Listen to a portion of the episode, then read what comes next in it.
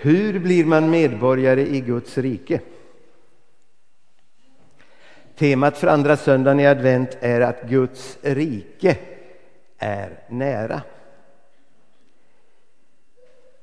Guds rike är alltså ett rike som inte riktigt är färdigt ännu kan det verka som, men håller på att etablera sig. Hur blir man medborgare i det riket? Ja, hur blir vi medborgare i Sverige? En del bara genom att födas, därför att föräldrarna är medborgare i Sverige. För mig var det så, för många är det väl så. Det är ett arv, det är en gåva. Vi bara blev svenska medborgare. Andra får söka medborgarskap i vårt land. Var det Folkpartiet som har diskuterat en hel del om vad som krävs för att kunna få bli medborgare i Sverige? Ja, man skulle liksom gå en kurs först och lära sig lite grann om det här landet och dess kultur, tyckte några. Eller åtminstone i varje fall lära sig svenska språket för att få bli medborgare. Andra reser andra krav. Men hur blir man då medborgare i Guds rike? Först några ord om själva riket. När Jesus började predika, då var detta hans tema. Han predikade Guds rike.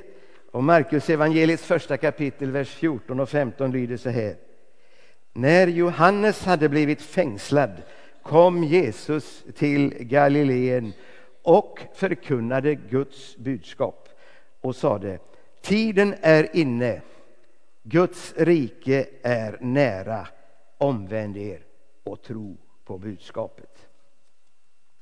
Och egentligen syftar inte Jesus på något som snart ska komma när han säger att Guds rike är nära. Vi tänker ju lätt så när vi läser Guds rike är nära, ja nu kommer det snart. Utan han säger egentligen enligt grundtexten Guds rike har kommit nära. Guds rike är här nu Guds rike är mitt ibland er och på det viset är det nära. Så omvänd er och tro på budskapet. Jesus är kungen i det riket. Jesus är ju kungen, den som regerar i Guds rike. När nu han kommer till jorden, då kommer han med Guds rike till jorden. För överallt där Jesus rör sig, där utövar han Guds rikes auktoritet. Här har egentligen den punkten i bönen Fader vår blivit besvarad. Låt ditt rike komma. Det kom med Kristus. Den här världen är ockuperad av mörkrets makter. Johannes uttrycker det i ett av sina brev så här att hela världen är i den ondes våld. Men han säger också i samma brev att Guds son har uppenbarats för att utplåna djävulens verk. Jag gillar den formuleringen. Utplåna djävulens verk. Därför så pågår det en kamp mellan Guds rike och djävulens inflytande på den här jorden. Och överallt där Jesus drar fram så upprättar han Guds ordningar, återställer Guds ordningar, helar och upprättar och botar människor som är sjuka, Eh, det som ockupationsmakten har brutit ner och förstört. Därför ser vi Jesus befria människor från onda andar. Vi ser Jesus bota människor så de blir friska igen. Och Det här är liksom Guds rikes tecken. Tecken på att nu är Guds rike här. Det är Guds rikes kraft som upprättar och helar.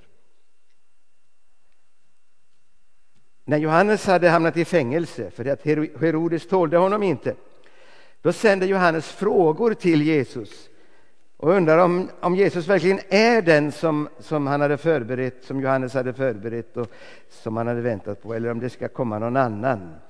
Och då läser vi Lukas sjunde kapitel, vers 21. Jesus hade just botat en mängd människor från sjukdomar, plågor och onda andar och gett flera blinda synen tillbaka. Och han svarade Gå och berätta för Johannes vad ni har sett och hört. Blinda ser, lama går, spetälska blir rena, döva hör, döda står upp och fattiga får ett glädjebud. Och Johannes hade läst Jesaja 35 som Henrik har läst idag. Där det står att de eh, blinda ska se, de döva ska höra, de lama ska hoppa som hjortar. Eller vad det var för någon bild. Eh, så Johannes visste att detta är Guds rikes tecken. Alltså är det rätt. Alltså är det han. Där Jesus är, där sker Guds rike. Där Jesus får vara Herre, där sker Guds rike. Men Guds rike är också namnet på den värld som ska segra och bestå. Så det ska ju inte alltid pågå en strid mellan Guds rike och djävulens rike. Utan i och med Jesu uppståndelse från de döda började en utrensningsaktion så att säga. Där djävulen kastades ut ifrån den himmelska högkvarteret. Kastades ut i ett annat område. Påverkar en hel del på jorden fortfarande. Men en gång så ska han fullständigt tillintetgöras. Och den här världen ska befrias till hundra procent.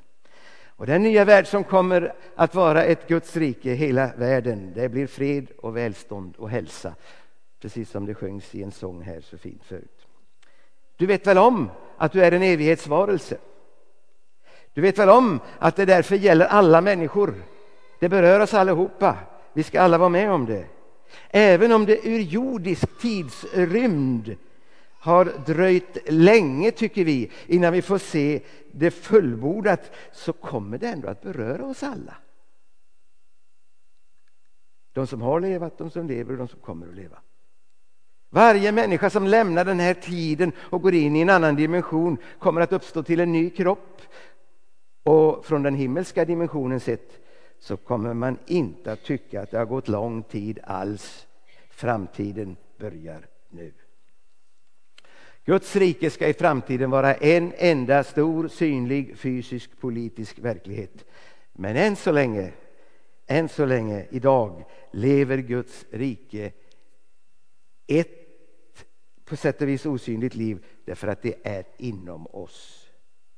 Men tecken på riket blir synliga när människor som tror på Jesus älskar varandra, ber för varandra sjuka blir botade i Jesu namn. Gudsrikes tecknen finns där i var och en som blir medborgare.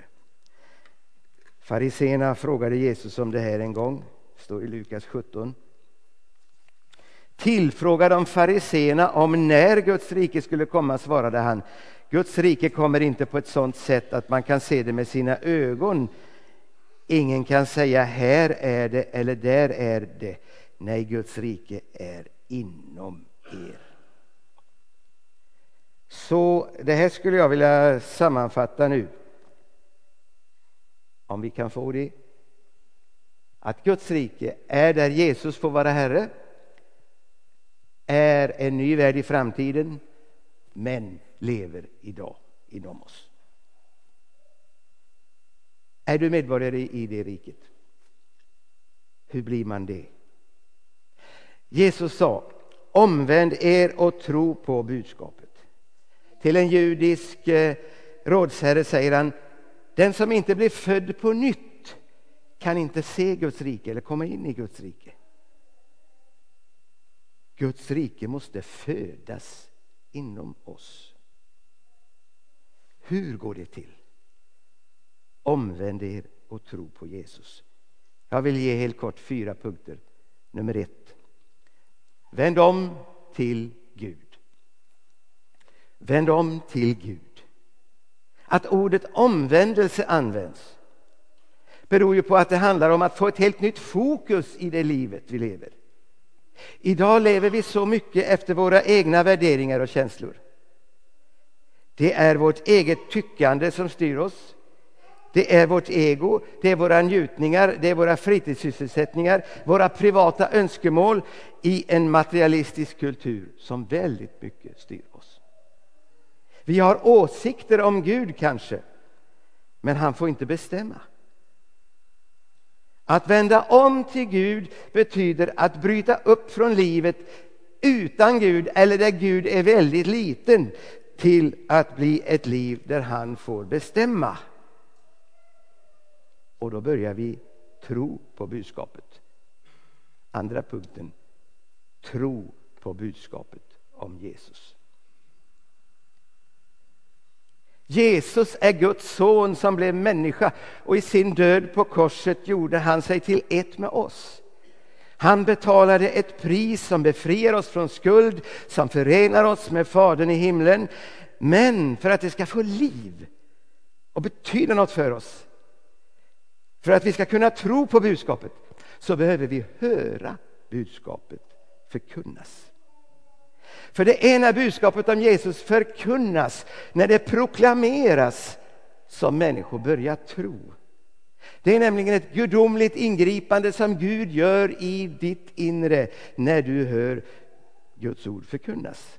Då föds en tro hos dig.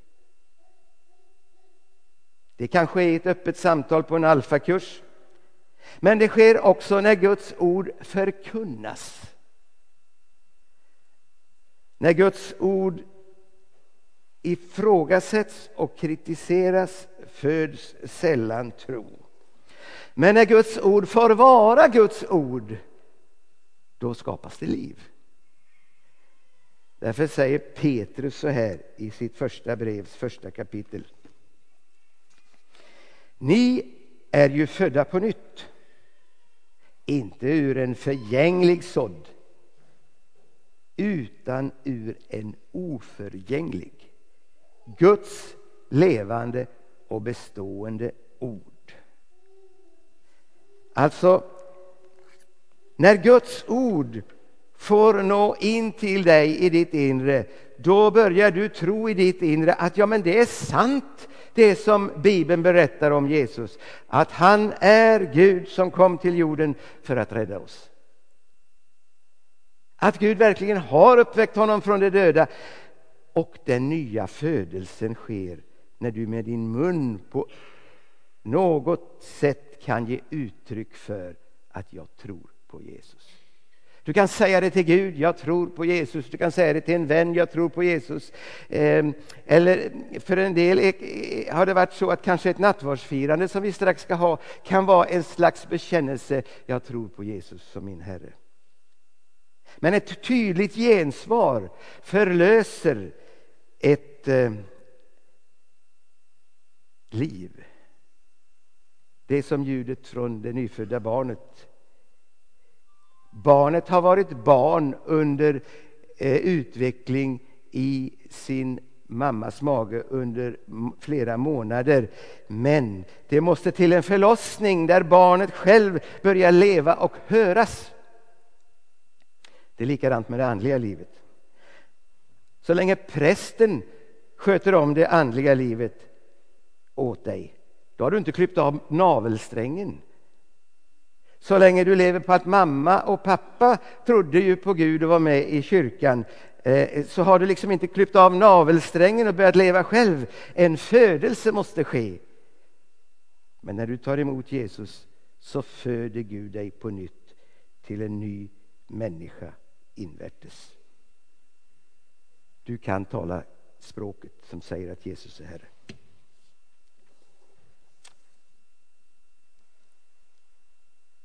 Ja, en fjärde punkt. En ny identitetshandling skrivs ut. När vi lever och reser i den här världen så har vi ofta ett pass med oss som kan styrka vår identitet vem vi, vem vi är, vilka vi är, vilket land vi kommer ifrån och var vi är medborgare någonstans. Där står det när man är född och där står det var man är född. Söker man visum till ett land utanför EU så eh, får man också fylla i vilka som är eller var ens föräldrar. Men nu har vi blivit medborgare i Guds rike. Då har vi en identitetshandling inom oss i form av den helige Ande som flyttar in i vår ande så att vi ständigt kan ha kontakt med vår far i himmelen som är vår identitet med honom. Eh, den helige ande bor i varje människa som har blivit född av Gud till ett nytt liv. Och den heliga ande är då en bekräftelse på vem som är vår far i himlen. Paulus skriver i Romarbrevets åttonde kapitel om det här.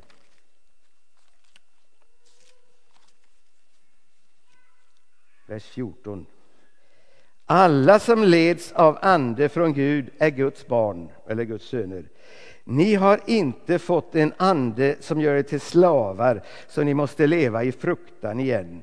Ni har fått en ande som ger er söners rätt så att vi kan ropa Abba, Fader. Anden själv vittnar tillsammans med vår ande om att vi är Guds barn. Anden själv vittnar tillsammans med vår ande att vi är Guds barn. Det här är din identitetshandling. Den heliga Ande i oss blir också en identitetshandling som förenar oss med andra som är medborgare i Guds rike. Du upplever vi talar samma språk. På det här sättet bygger Gud sitt, sitt rike genom tiden. Han välkomnar ständigt nya människor att bli medborgare i hans rike. En dag ska det bli ett stort och mäktigt folk och det ska bli nya himlar och en ny jord. Idag blir du medborgare i Guds rike genom att vända om till Gud, tro på Jesus, budskapet om Jesus, låta en ny födelse ske och få en ny identitet genom den helige Ande.